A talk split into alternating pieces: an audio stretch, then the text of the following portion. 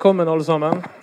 Velkommen til eh, Bergen bibliotek og denne samtalen med Fredrik Resvik, som skal handle om boken hans eh, 'Dømt til døden i Kongo'. Jeg heter Espen Ingebrigtsen, og jeg er postdoktor ved Universitetet i Bergen. Vi begynner rett på sak. Om formiddagen den 12. mai 2009 dukka det opp en sak på dagbladet.no klokken halv tolv om formiddagen. To nordmenn i slutten av 20-årene er mistenkt for drap i Kongo. Den ene sitter allerede fengslet, i provinsbyen Kisangani. Men den andre er fortsatt på flukt. I den ganske korte artikkelen står det at de to nordmennene har vært befal i Forsvaret. De har drevet et sikkerhetsselskap i Uganda. Men det er uklart hva det er de gjør i Kongo. Detaljene som kommer frem, gjør at saken ganske raskt tar fyr i norske medier. Åtte og et halvt år senere er den spektakulære Kongo-saken en av de mest omtalte drapssaker i norske medier noensinne. Fredrik Gressvik kjenner Kongo-saken inngående. Han er en prisbelønnet reporter og dokumentarfilmskaper i TV 2. Og han har dekket utenrikssaker over hele verden gjennom snart 25 år. Han har rapportert fra krigssituasjoner i land som Irak, Afghanistan, Gaza, Sør-Sudan og Rwanda. Han har skrevet en rekke bøker om konfliktområder. Og tidligere i høst kom altså denne boken hans 'Dømt til døden i Kongo', som handler om saken rundt Kjostolf Moland fra Vegårshei i Aust-Agder og Joshua French fra Re i Vestfold, som ble dømt til døden for drap i Kongo. Og La oss begynne i mai 2009, Fredrik Gressvik. Dypt inne i jungelen, langt øst i Kongo. Moland og French sitter i en pickup på en hullete jordvei. De har gjort en avtale med sjåføren om at de skal bli kjørt til den ugandiske grensen. Hva vet vi egentlig om den 5. mai 2009? Hva som skjedde? Hvem som drepte sjåføren? Eh, ja, noen vet jo. Det var jo tre stykker eh, på den bilen som fortsatt er i live. Eh, av de fem som var der, så er eh, to døde. Altså sjåføren og, og Kjostov Moland. Eh, to av de som var på bilen, de mener jo da at eh, Kjostov Moland ble drapsmann den kvelden. Joshua French og Kjostov Moland sa noe annet hele veien. Men det vi vet, er at eh, de to som da måtte låne eller leie en bil 5. Eh, mai 2009 for å komme seg tilbake til Uganda, hvor de da drev et sikkerhetsselskap. De hadde motorsykkel som hadde brutt sammen. De trengte skyss eh, og fikk tak i da denne pickupen til Abedi Kasongo, en eh, kongolesisk sjåfør i Kisangani. Og så drakk de ganske mye. En god del. Mye øl. Både før avreise og under reisen. Og måtte stoppe bilen med et par anledninger for å gå på do.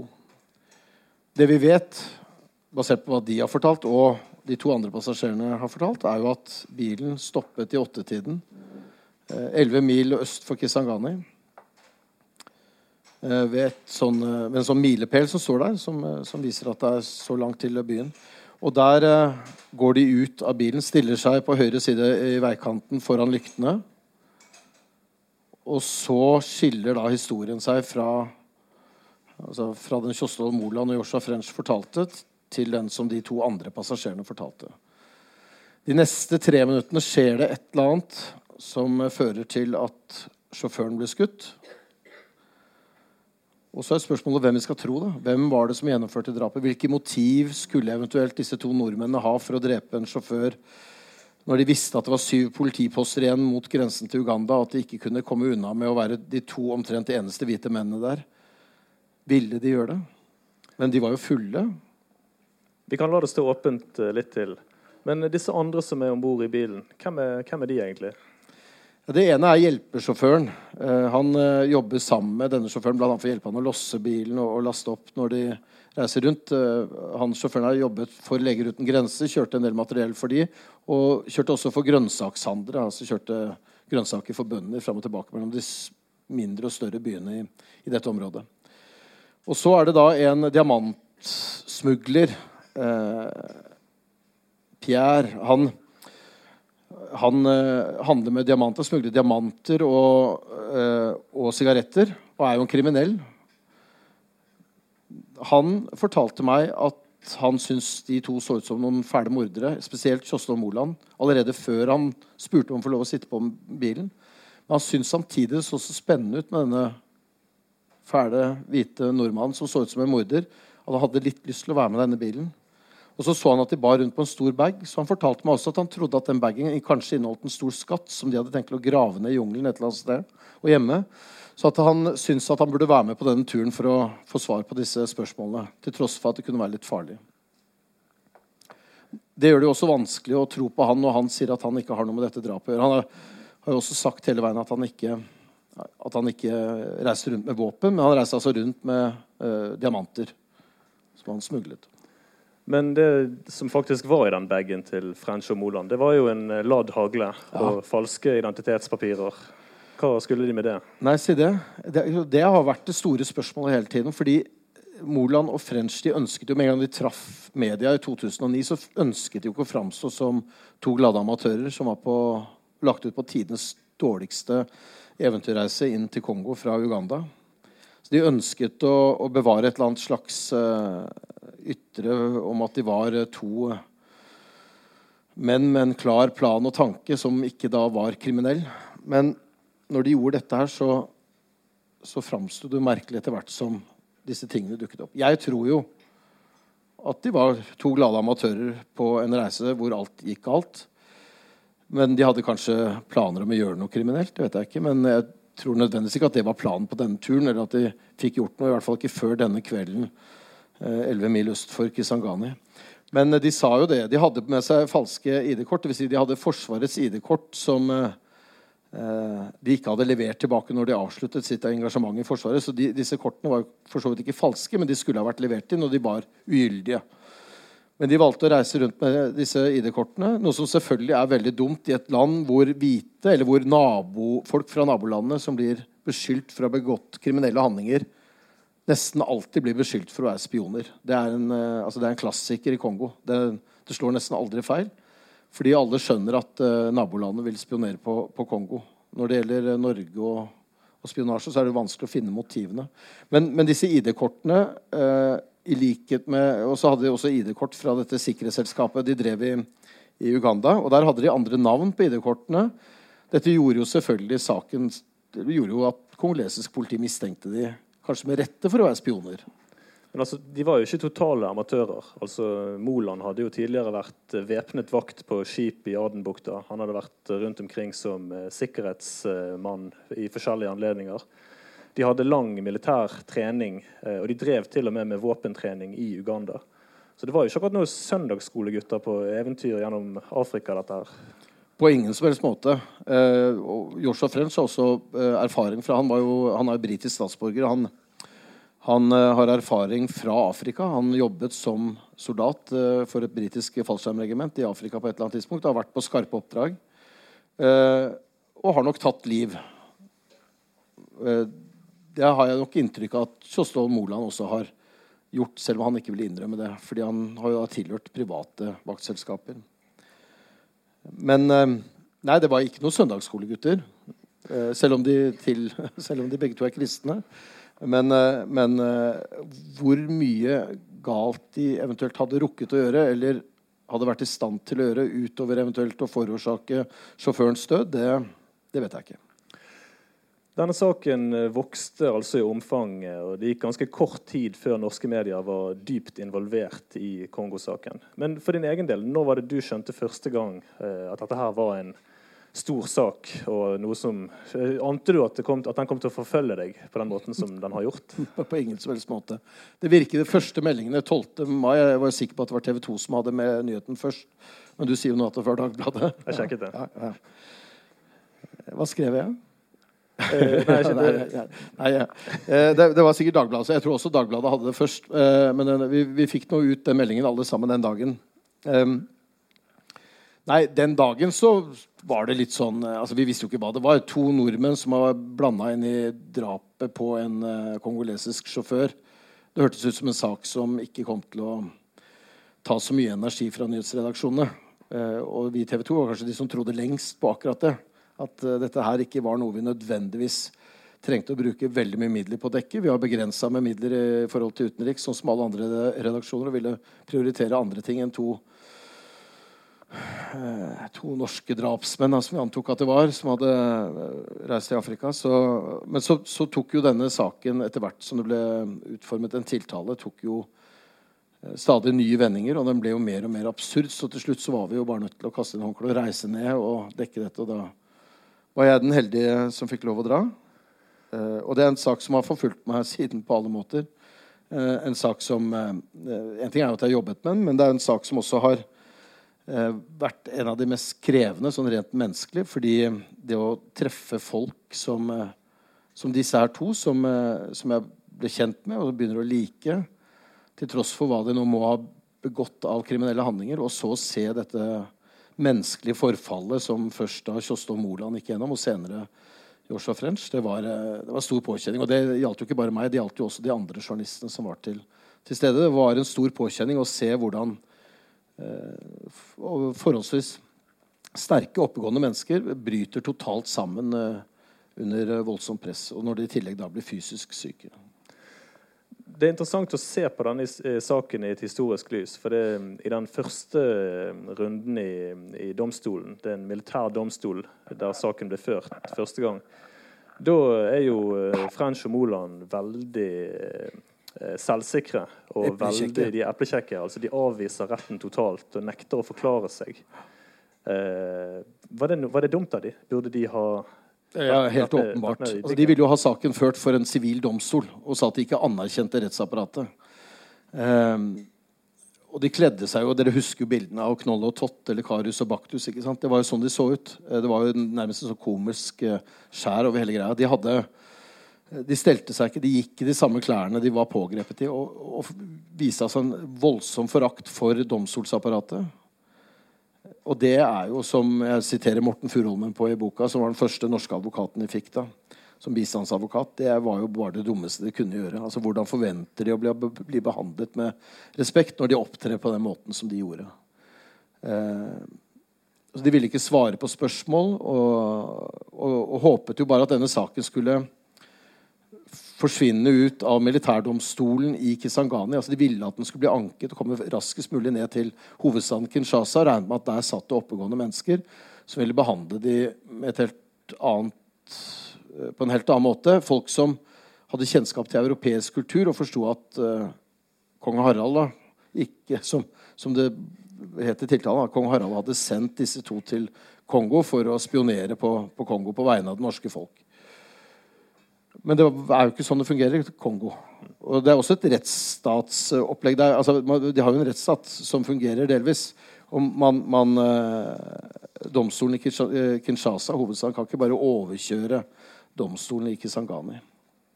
Og de fikk jo aldri saken sin opp for noen domstol i, i Kinshasa, i hovedstaden. Det var to ankesaker, og alle disse tre sakene ble til sammen ført i, i uh, Kisangani.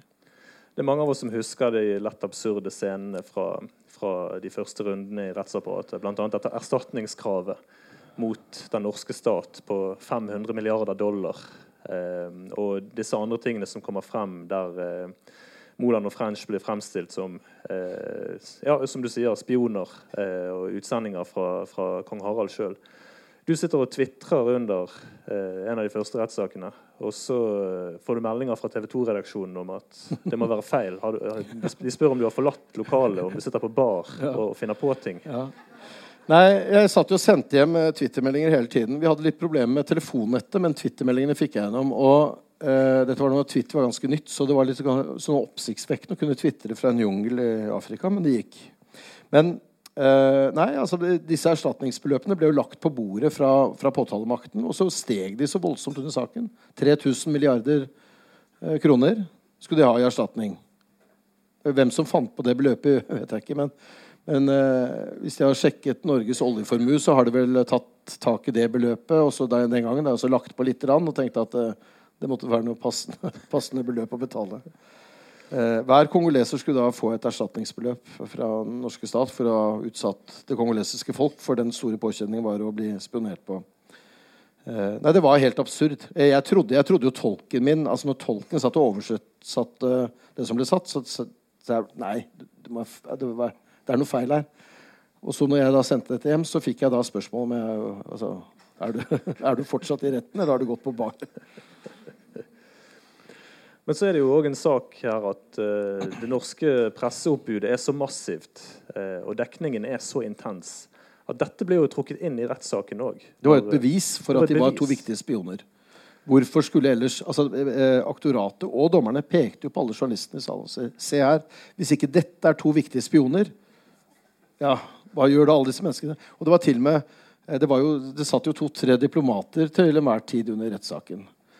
Og det var det de sa. Disse mennene rapporterer hjem til kongen. Og det er jo for så vidt riktig. Det, det gjorde de jo via regjeringen. Men, eh, eh men det er altså ikke kongen som har sendt dem for å og de, de, beskyldte også, Det kom jo beskyldninger om at noen av oss som var der, var en del av et apparat som skulle få de ut av uh, fangenskap og frakte de hjem til, uh, til Norge. Kjostov Moland trodde jo på et tidspunkt selv når han ble syk, at jeg tilhørte en del av dette apparatet. og kom bort til meg under rettssaken på et tidspunkt og, og, gikk opp i rett og hilste militært. Og da, da, spurte, da spurte dommeren hvem det var som satt der. men da fikk vi snakket det hele vekk da, uten at det ble for store problemer. Men du havnet jo sjøl eh, inn i denne her eh, kongolesiske hverdagen. Eh, det kan ikke bare ha vært lett å tilbringe eh, uker eh, der nede eh, som reporter og prøve å holde leveransen av nyhetssaker oppe, og samtidig ha et no noenlunde sivilt liv ved siden av. Hvordan var, hvordan var liksom tiden som ikke-journalist i Kongo? Nei, ja, Det var ikke så mye tid til det. Men, men det er klart, rettssaken var jo eh, en sånn natur at når det regnet Normalt går, foregår rettssakene på utsiden av fengselsmuren, altså ute under et tre. Eh, slik at når det regner, så er det jo ikke rettssak. Det sier seg selv. Det går ikke. Det, regne, det regner jo nesten hver dag, og det regner mye. Eh, og selv om man flyttet rettssaken innendørs, så endret man ikke på disse reglene. Noe som det tok litt tid før vi norske journalister forsto. Vi møtte jo opp eh, hver morgen vi, og kjeftet på tolkene våre som ikke kom. ikke sant? Vi ringte og lurte på hvor i all verden de var blitt av. Men de sa jo at det regner. Det blir ikke noen rettssak i dag. Det stemte jo, det. Uh, de tiltalte pleide også å komme. De ble kjørt til retten i tilfelle det ble rettssak. Men, men hvis det regner mye, så kommer jo aldri dommerne. Kommer jo ikke resten av apparatet. Eh, og da ble det jo kunne gå to-tre-fire dager da, uten at vi hadde noe å gjøre. Og så Vi skulle prøve å lage andre saker i Kongo, men da ble disse politifolkene og etterretningstjenesten som fulgte oss ganske nøye, de ble jo veldig mistenksomme på at vi gikk rundt og bare filmet i byen. Filmet folk. Eh, og vi er en del, av, en del av Kongo hvor folk ikke er vant til TV-kameraer heller. Spesielt TV-kameraer. Noen tror at du stjeler sjelen deres når du tar bilde av dem, og, det gjør jo arbeidsvilkårene forholdsvis komplisert. Fordi folk som blir frastjålet sjelen sin, blir jo også nødvendigvis forbanna når, når, de utsettes for slike overgrep. Så det var noen kulturkollisjoner der som var vanvittige. Og så har vi dette med penge, eh, pengene. Korrupsjon. Ja. Eh, som jeg da for sikkerhets skyld ble politianmeldt for å ha altså, vært en del av når jeg kom hjem til Norge. Men, men vi måtte betale eh, noe. Korrupsjon var eh, statlig korrupsjon som at det kostet da, eh, det 500 dollar å få en arbeidstillatelse i Kongo for en journalist. Du måtte ha en sånn for å jobbe der. Da fikk du nå et stempel og et papir eh, og en kvittering. Eh, men så måtte du betale 100 dollar under bordet for å få den kvitteringen faktisk ut. Og uten det så er det umulig å jobbe. Og da kunne jo selvfølgelig Noen mener jo at da burde vi bare ha dratt hjem. Men bare ved å dra hjem så ville vi jo vi ville jo ikke kunne dratt hjem uten, med TV-kamera uten å ha vist fram tillatelsen for å filme. Så vi var litt fanget i dette her. Og så måtte vi jo betale for å komme ut på flyplassen. Vi måtte betale for å komme inn, og jeg måtte betale Jeg hadde et eksempel hvor jeg skrev en blogg om at jeg hadde betalt dommeren i den første rettssaken 100 dollar. Han tok meg med ut under rettssaken, og så ville han ha 100 dollar. Eh, og så ga jeg han 100 dollar. Og så ble jeg politianmeldt for dette etterpå. Og så gikk jeg til Morten Furuholmen, som da var advokaten til så, så sa jeg, fortalte jeg at jeg ble politianmeldt for dette her nå. Eh, jeg har for så vidt innrømmet forholdet. Jeg, noe, jeg hadde ikke lagt skjul på det. Eh, og da sa han at når to væpnede offiserer ber om å få 100 dollar av deg, så betaler du, sa han. Det, det kalles væpnet ran, ikke korrupsjon. Så, Han mente at vi bare, bare burde håpe at det ble rettssak, og så gå for en voldsoffererstatning i bakkant av dette her. Men, men, det var, vi måtte betale for alt. og det er klart at Jo mer vi betalte, jo dyrere ble det. Og jo mer måtte de andre betale. Så det var jo en ond spiral, dette her, som vi for så vidt bidro til. Og det, det var jo også problemet til Moland og French. De måtte betale for å få mat inn i fengselet. Og jo mer det ble betalt, jo mer penger skulle folk ha. Og så, så ble det jo problematisk etter hvert. En annen ting jeg fant når jeg så på nyhetssaker fra uh, dette første året, det er jo det at da var det en Kongo-ekspert som mente at uh, denne saken kunne ha vært løst tidlig ved hjelp av en større pengesum og bare på bakrommet, uten at media hadde blitt involvert. Hadde, det vært en bedre løsning? Ja, det hadde vært bedre for de to hvis det hadde latt seg løse. Men, uh, men så er spørsmålet om det hadde gått. da. Nei, jeg snakket med en som jeg skriver litt om også, jeg snakket med en britisk diplomat på vei opp til Kisangani. Vi, vi satt ved siden av hverandre på flyet fra Kinshasa. Eh, og han skulle opp og følge saken fordi, fordi eh, da Joshua er britisk statsborger. Og han sa det at denne saken hadde vi løst på en helt annen måte. Vi hadde gjort det veldig raskt. Da, altså, eller i hvert fall forsøkt. da. Sendt inn en mann med penger, og så Før dette ble kjent i media, før noen i Kinshasa fikk vite Nå fikk noen i Kinshasa vite om dette tidlig. Så det er ikke sikkert det hadde gått til denne saken. Men, men, de ville i hvert fall ha forsøkt en annen inngang på dette her enn det norske myndigheter uh, gjorde. Men de, jo, de, er også mer vant til dette. Briter som havner i trøbbel ute på den måten. Dette var jo litt uh, nytt for Norge. I hvert fall så vidt vi vet.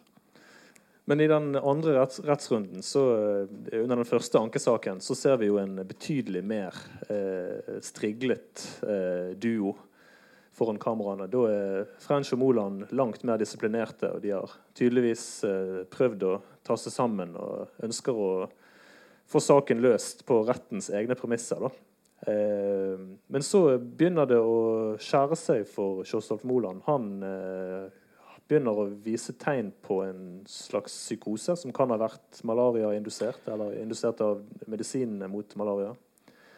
Hvordan, hvordan, var det å se Moland utvikle seg sånn som han gjorde?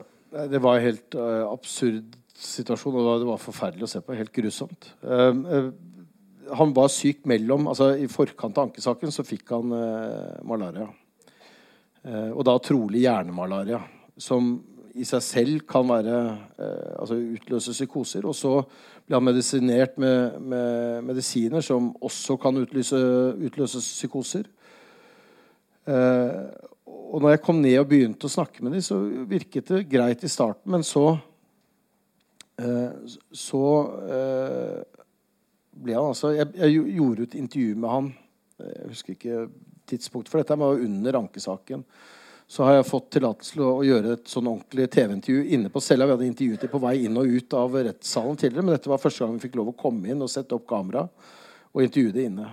og da opplever jeg at det er et eller annet rart som skjer når jeg snakker med han. Altså han, han begynner å gråte og le om hverandre. og Han har ikke vært, oppført seg sånn tidligere. Jeg ser også at Joshua blir veldig usikker på hva som skjer. og Jeg begynte jo etter hvert å lure på om jeg skulle skal vi avbryte her. For her er det, det begynte å føles ubehagelig å sitte og, stille spørsmål til en mann som plutselig altså skifter sånn i stemningsleir som det han gjorde.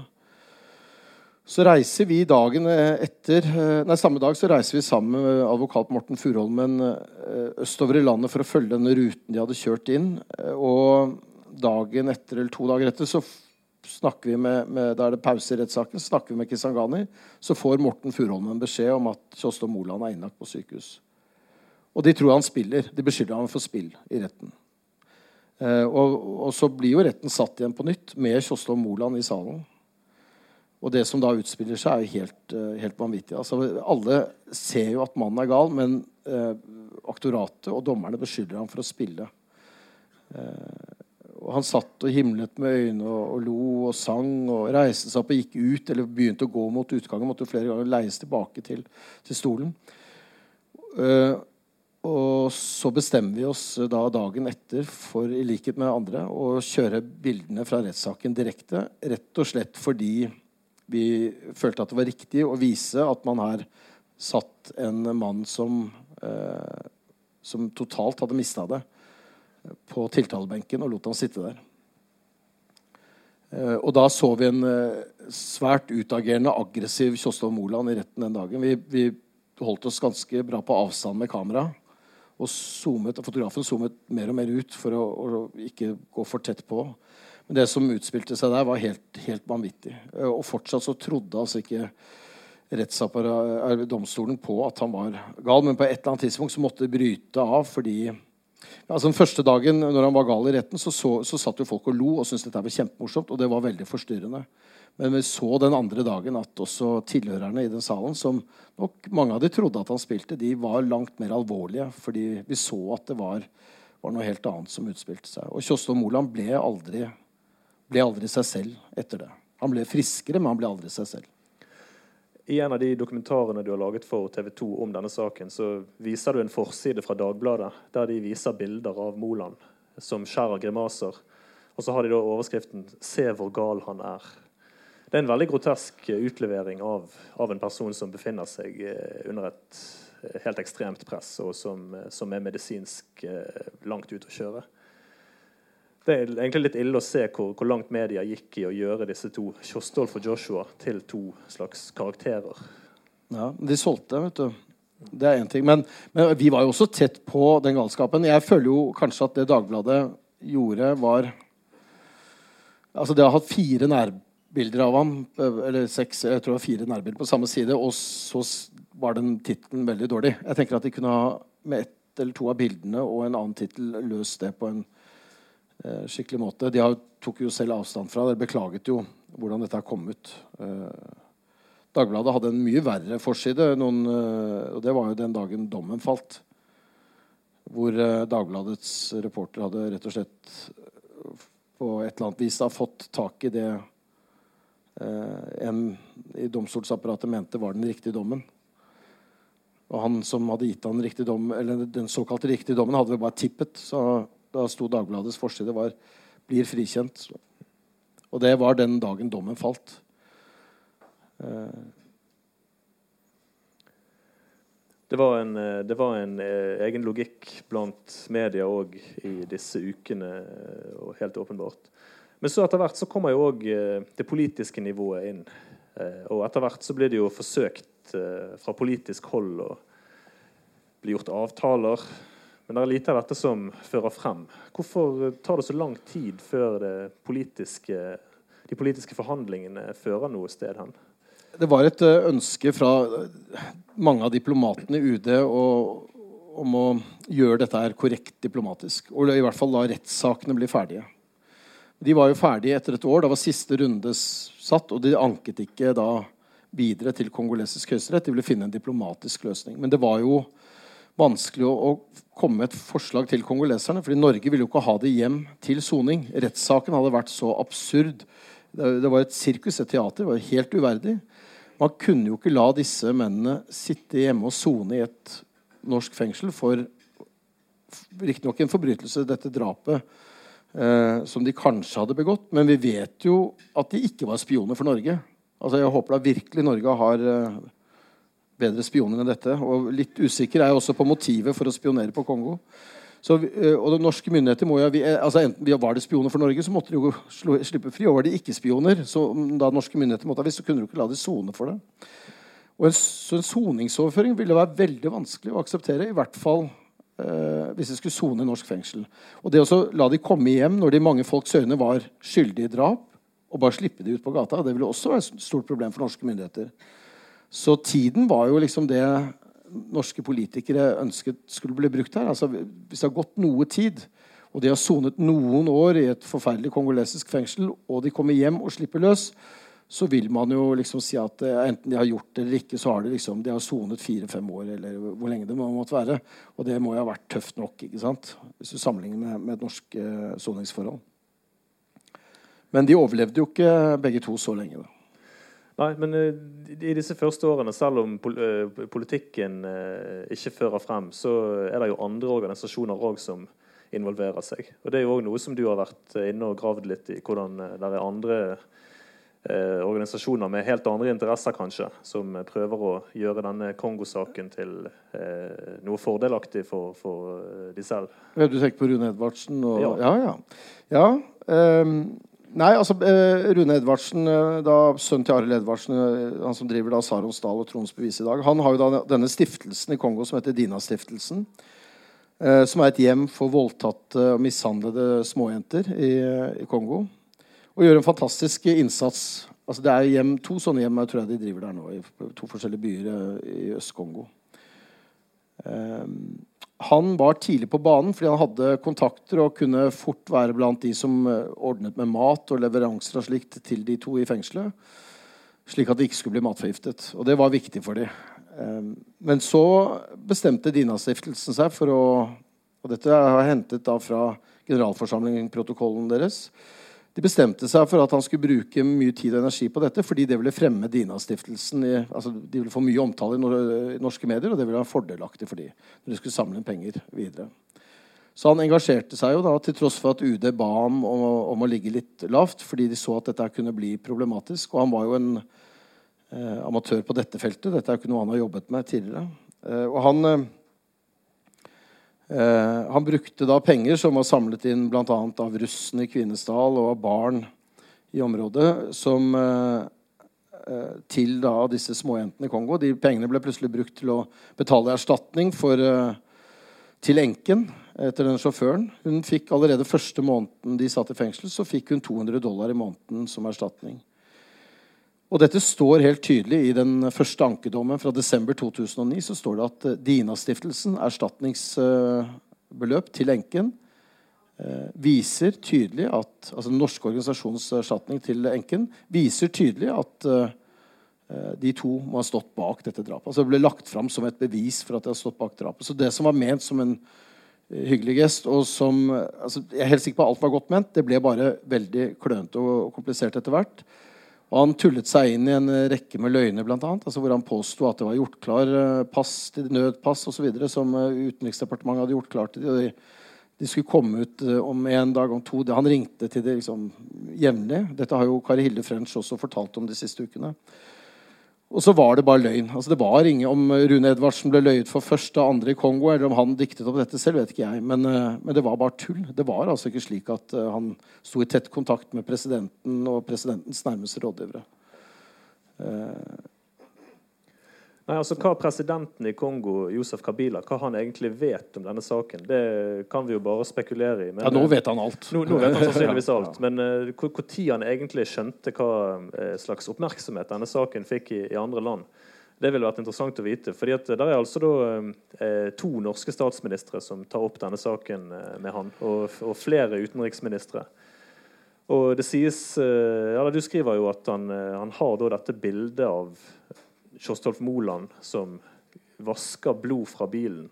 Ja, Dere husker det bildet alle sammen, ikke sant? Der hvor han står og, og gliser og vasker blod. Eh, et bilde som for alle oss som ikke driver med og vanker i rettssaker, eh, synes det selvfølgelig ser helt groteskt ut og tenker at mannen må jo være skyldig.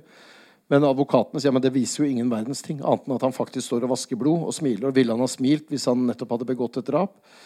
Er jo da spørsmålet. ikke sant? Eh, og psykologer har jo sagt at dette kan være et, eh, en reaksjon på begge deler. Både at, eh, men i hvert fall at en reaksjon på at uansett hva som har skjedd, så har i hvert fall de overlevd. Så langt. Men dette bildet skal altså Kabila Det, det bildet hadde han liggende i. Og det var jo på et tidspunkt så, så, visste man jo ikke hvor mye, hvor engasjert Kabila var i dette her. Men da de første forespørslene fra hans folk kom om man kunne finne en løsning på dette her, uh, var en av hans rådgivere som var inne på kontoret, så dro han ut i skrivebordsskuffen og så viste han fram bildet. Så på toppen av ene skrivebordsskuffen til Kabila så lå dette bildet av Kjostov Moland. Så dette var en sak som opptok presidenten, og som opptok han stadig mer etter hvert som flyttet, disse fangene ble flyttet til Kinshasa, uh, og ting begynte å ta nye vendinger. For to hvite menn som er tiltalt og dømt for drap i Kongo. Det er jo en historie som ligger bak her, som uh, handler om at det har vært europeere i Kongo tidligere og som ikke har hatt spesielt edle motiver. Historien om eh, kong Leopold av eh, Belgia som utnyttet, Belgia, eh, utnyttet, Kongo som sin private eh, koloni, er jo bare én av de eh, veldig groteske eh, historiene som ligger bak det synet man har på europeere i, i Kongo i dag. Jeg skriver jo en del om det også, eller litt om det. Eh, denne historien som gjør eh, For å vise hvorfor kongoleserne møter Og spesielt hvis du går utenfor Kinshasa, altså som, som, til Kisangani. Hvorfor hvite europeere blir møtt med forakt og mistenksomhet. Eh, og, og, hvis du leser historien og, og ser hvordan belgierne eller kong Leopold før det og hans folk herja i, dette landet, så er det ingen, ingenting å si på det. Altså, det er ikke vanskelig å forstå at det, det ble slik. Det betyr ikke at man ikke må ha et skikkelig rettssystem når man først skal, skal stille folk til det for retten.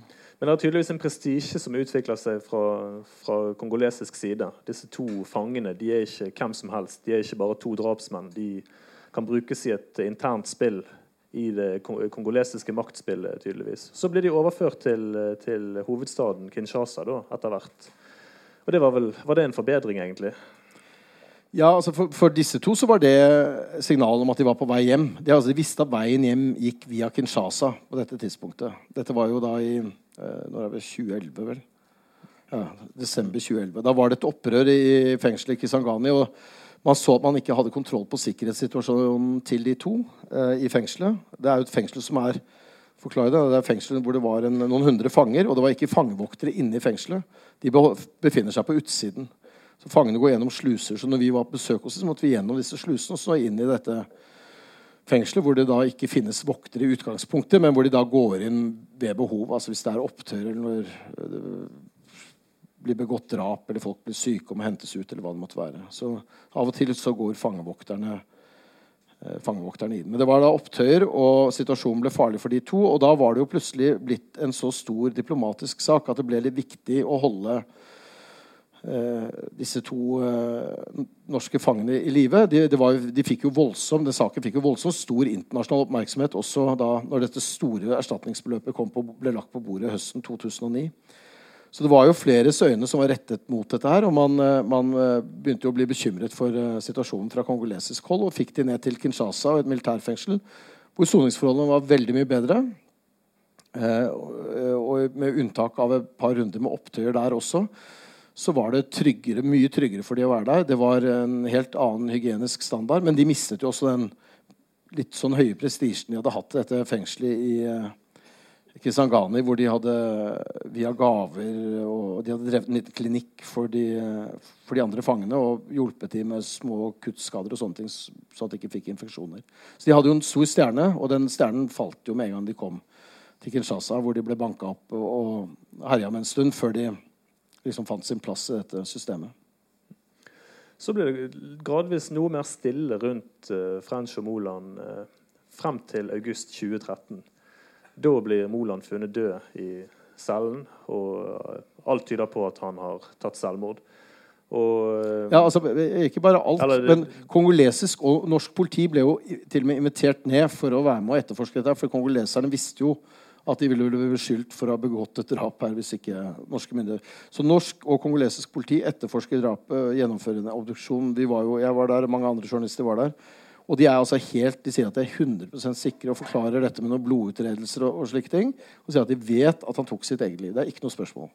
Men likevel så blir French dømt for dette drapet. Ja. Da, det er da en ny runde med en farse av en rettssak der French blir sittende igjen med svarteper. I stedet ja. for at veien førte til Kinshasa og videre eventuelt til Norge, så blir han i stedet dømt til enda en uh, lengre fengselsstraff. Ja, Han fikk livstid i tillegg til de fire dødsstraffene han hadde fra før. Da, som var gjort om til én.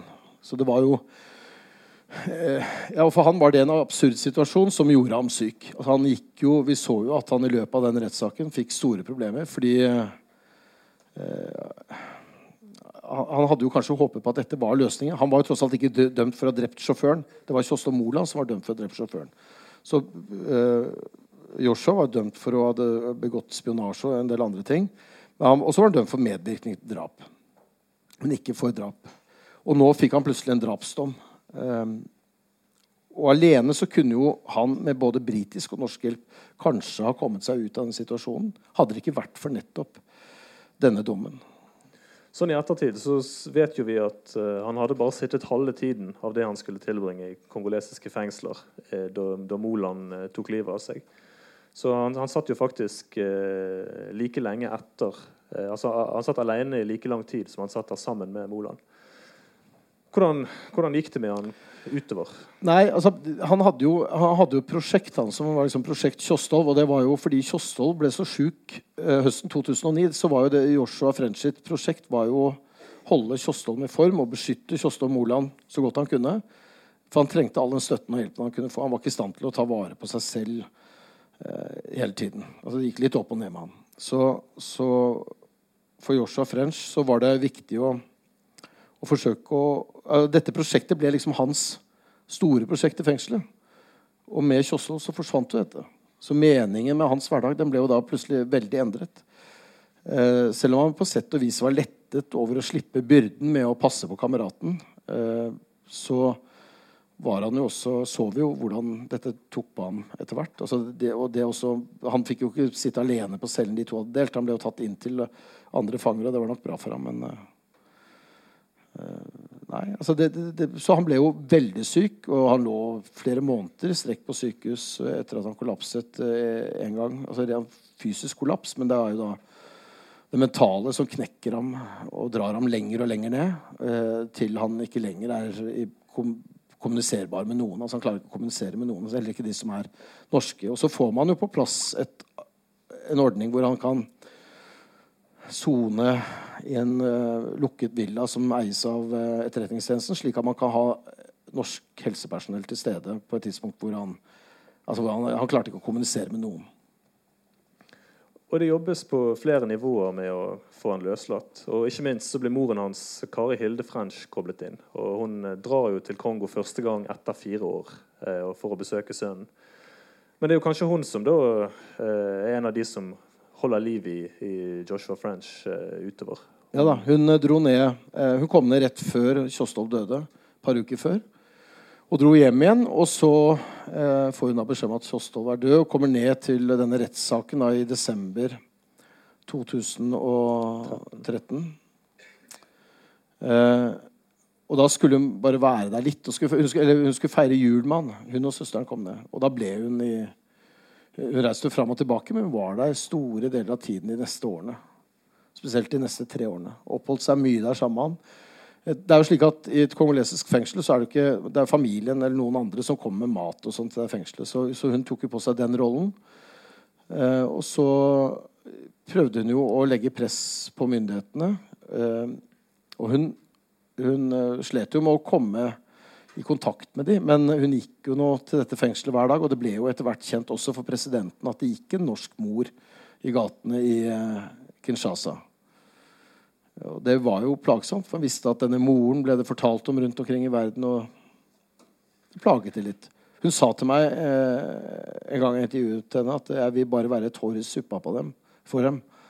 Eh, og det var jo det hun var da. ikke sant? Eh, plaget og Gikk og ringte på, eller banket på dører på justi, hos Justisdepartementet og ga ikke opp.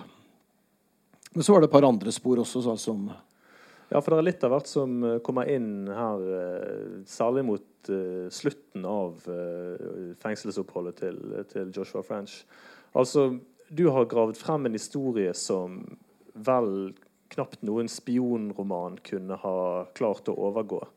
Du har vært inne og gravd i eh, noe diamantspor. Eh, det var en reise til Israel som Ja, den reisen til Israel var litt sånn tilfeldig. Men jeg hadde fått et reisestipend og eh, hadde begrenset med tid jeg ønsket å oppholde meg i Kongo og Uganda for å gjøre eh, mens jeg satt og skrev. Så jeg reiste til Israel fordi jeg visste at det var et spor der jeg kunne prøve å forfølge. Vi hadde hørt om den diamanthandleren Dan Gertler, en av Israels rikeste menn som var involver, at han var involvert i saken. En god venn av uh, Kongos president Josef Kabila. Så vi visste jo at han var involvert på en eller annen måte, men ikke hvor involvert han egentlig var. Også, disse diamantene i Kongo, kan, kan, du bare kort Hva liksom er det som ligger i disse diamantene i, i Kongo? Hva, altså, hvor mye penger, hvor mye verdier er det snakk om? Nei, vi, uh, han kom inn, altså han fikk en avtale i 2000 uh, hvor han fikk da monopol på utvinning av diamanter for Nå husker jeg ikke beløpet 20 millioner, 20, 20 millioner dollar. dollar. i året. Eh, man regnet da med at verdien Og dette var bloddiamanter utvunnet eh, da under borgerkrigen. Eh, man regnet med at verdien av den avtalen var for ham verdt 600 millioner dollar. Så det er jo helt sannsynlig at han har betalt enorme summer til eh, Kongos president. For det var Kongos president som ga ham denne lukrative avtalen. Og Kongos president har jo både han sittende, Josef Kabila, og hans far Laura Desiree Kabila har jo åpenbart, hvis man ser på hvordan de omgir seg med luksus, blitt stadig rikere. Og dette er jo da blitt, altså Denne diamanthandleren er blitt en av Josef Kabilas aller nærmeste, nærmeste venner. Så jeg reiste til Israel og tok kontakt med dette diamantmafiamiljøet. Eh, hadde vel ikke noen sånne store forhåpninger om å få noe ut av det. Journalister jeg snakket med fra avisen her, Haretz, eh, fortalte meg at de hadde prøvd i ti år å få intervju med, med Dan Gertler uten å få det. Jeg har nå snakket med mannen. Han, det er jo ingen av disse i dette miljøet som vil siteres på noe. Men eh, jeg har jo førstehånds kilder på samtaler, så det er jo ikke så mange det kan dreie seg om. Eh, og de ville jo fortelle altså For ham det, er det viktig å få fram at han ikke bare handler med bloddiamanter, men at han også gjør det han kan for å hjelpe folk i nød. Men det handler jo ikke bare om en person som er i nød. Joshua French. Det handler jo òg om en forhistorie her. Fordi du har gravd frem et annet spor òg, som eh, går helt tilbake til 50-tallet. Ja, og til... det var jo helt absurd. Altså, jeg trodde jo ikke jeg, Igjen så var det dette med Når vi dekket rettssaken, tenkte jeg at når den saken ikke kan ta mer bisarre retninger, så gjør den allikevel det. Og I sommer så trodde jeg liksom jeg hadde fått alle bitene på plass. Og så tar de, disse diamantfolka da kontakt med meg og forteller at han ene forteller meg at han er en personlig venn av Jens Christian Hauge, eh, en kar i 80-årene. Eh, så forteller han da altså historien om hvordan Shimon Peres, daværende president Shimon Peres, i 2014 ble kontaktet av norske diplomater med spørsmål om han kunne be Dan Gertler, som da var en nær venn av Kongos president, om å prøve å finne en løsning på denne saken, som plaget Norge og norske myndigheter. Eh, så Shimon Peres tar da kontakt med denne vennen til Jens Christian Hauge, som da er styreformann i Dan Gertlers selskaper, og Dan Gertler selv. Da er det presidenten altså, som ringer til disse og sier at uh, Hør her. Norge hjalp oss med tungtvann på 50-tallet. De, hadde det ikke vært for Norge, så hadde vi kanskje ikke hatt atomvåpen i dag. Og Hadde det ikke vært for atomvåpen, så hadde Israel vært utslettet, mener mange israelere. Eh, vi skylder Norge en tjeneste. Og det tenkte jo Dan Gertli var en eh, altså Han står politisk langt fra Shimon Peres, men han syntes jo dette var en uh, god nok uh, forklaring på, på, å hjelpe Norge. Så han, uh, så han sa seg villig til å hjelpe og fløy ned noen dager etterpå med en norsk diplomat til Kinshasa og tok ham med inn til presidenten. Og Dan Gertler har, altså Han kan ringe presidenten og komme og banke på døren hans når han vil. Eh, og Det førte i første omgang til denne villaavtalen, altså hvor Joshua French ble flyttet til denne villaen. som jeg fortalte i sted, Og så førte det jo da etter hvert til løslatelsen, vil nok Dan Gertler og de som støttet det sporet der, hevde. Det er jo bare Kabila som vet hvorfor han uh, til slutt valgte å gå for en løslatelse. Det aller viktigste er jo at generalen hans på et eller annet tidspunkt aksepterte det. Eh, fordi eh, når du er diktator, så er det et par ting som er viktig å huske på. Det er at du må holde deg inne med generalene.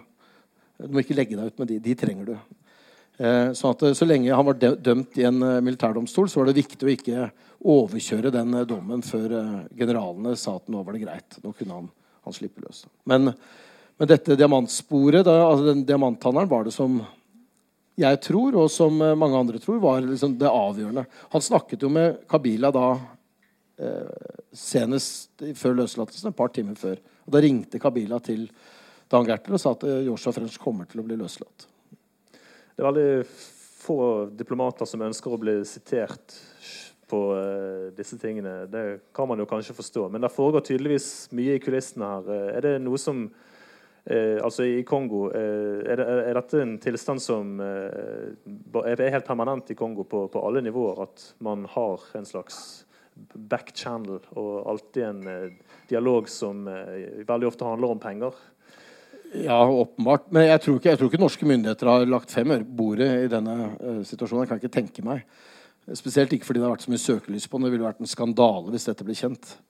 Men, uh, men, uh, det er folk i Utenriksdepartementet. Altså, noen er jo flinke til å følge disse her vanlige diplomatiske kanalene. Og så finnes det folk som er litt mer kreative i Utenriksdepartementet. Som da ambassadør Tor, Tor Vennesland, som jeg skriver om, som har jobbet i land, altså både Palestina, Israel og, og Egypt, altså land jeg selv har dekket, så jeg kjenner han godt. Og som er en av de som, eh, som har, eh, sammen med Mona Juel, har bidratt til å få løst denne saken. Den er ikke helt løst ennå, da. Det er akkurat kommet ut en ny bok skrevet av Kari Hilde French. Det er en film på trappene. Tror du vi kommer til å se slutten på denne saken? Tror du vi kommer til å få vite hva som egentlig skjedde den 5. mai 2009? Altså, filmen vi, jo, det kan jo være, vi vet allerede at det er den historien som har blitt fortalt. At det er slik at Kjosvold Moland løftet gevær og skjøt uh, sjåføren. Uh, denne filmen den er, jo, den er jo allerede produsert. Um, eller den er under produksjon, men de har allerede gjort opptakene. Den, den kommer sannsynligvis neste år. Jeg Litt avhengig av hvordan formen til Joshua French er og utvikler seg det går veldig bra med ham i forhold til hva man skulle tro. Eh, og han eh, skriver, har han sagt. Og det kan jo tenkes at det kommer en bok, og kommer det en bok med en ny forklaring. Og det er litt interessant, fordi de sa alltid til meg at når vi kommer hjem, Fredrik, så skal du få vite hva som egentlig skjedde 11 mil øst for Kisangani. Så noe er det jo som de ikke har fortalt. Kan vi snakke om safen på Mats Nygaard sitt kontor? ja da. Eh, jeg vet ikke akkurat hvor safen står, men det er altså de tenkte jo at de ville eh, forklare eh, altså De ville at sannheten skulle komme fram, som de sier. Eller i hvert fall ha, sin hånd på det bildet som ble tegnet av det i ettertid, hvis begge skulle omkomme i Kongo eller eh, eller bli så syke at de ikke kunne gjøre rede for seg. Eh, slik at de, de tok noen notater og sendte til Aschehoug, som eh, de hadde et advokatbytte Hun de byttet fra en strafferettsadvokat den norske advokaten, til en opphavsrettsadvokat på et tidspunkt. Nå fikk han opphavsrettsadvokaten plutselig en drapssak i fanget også. underveis her. Men uh, det var fordi de var opptatt av å få de gode film- og bokrettighetene. Så notater er sendt hjem. Men uh, klart, hvis de gjør seg selv uskyldige i disse notatene, så er vi jo kanskje, altså vil vi fortsatt stå og stille spørsmål. Men det er klart, hvis det kommer noe innrømmelse av skyld, så vil jo det stille seg helt annerledes. Det kan jo være at det kommer på et eller annet tidspunkt. Historien er ikke helt ferdig. Takk for uh, at du har skrevet denne boken. Takk for samtalen. Og lykke til videre med arbeidet med Tusen hjertelig. både journalistikk og French og Moland. Tusen takk for at dere kom.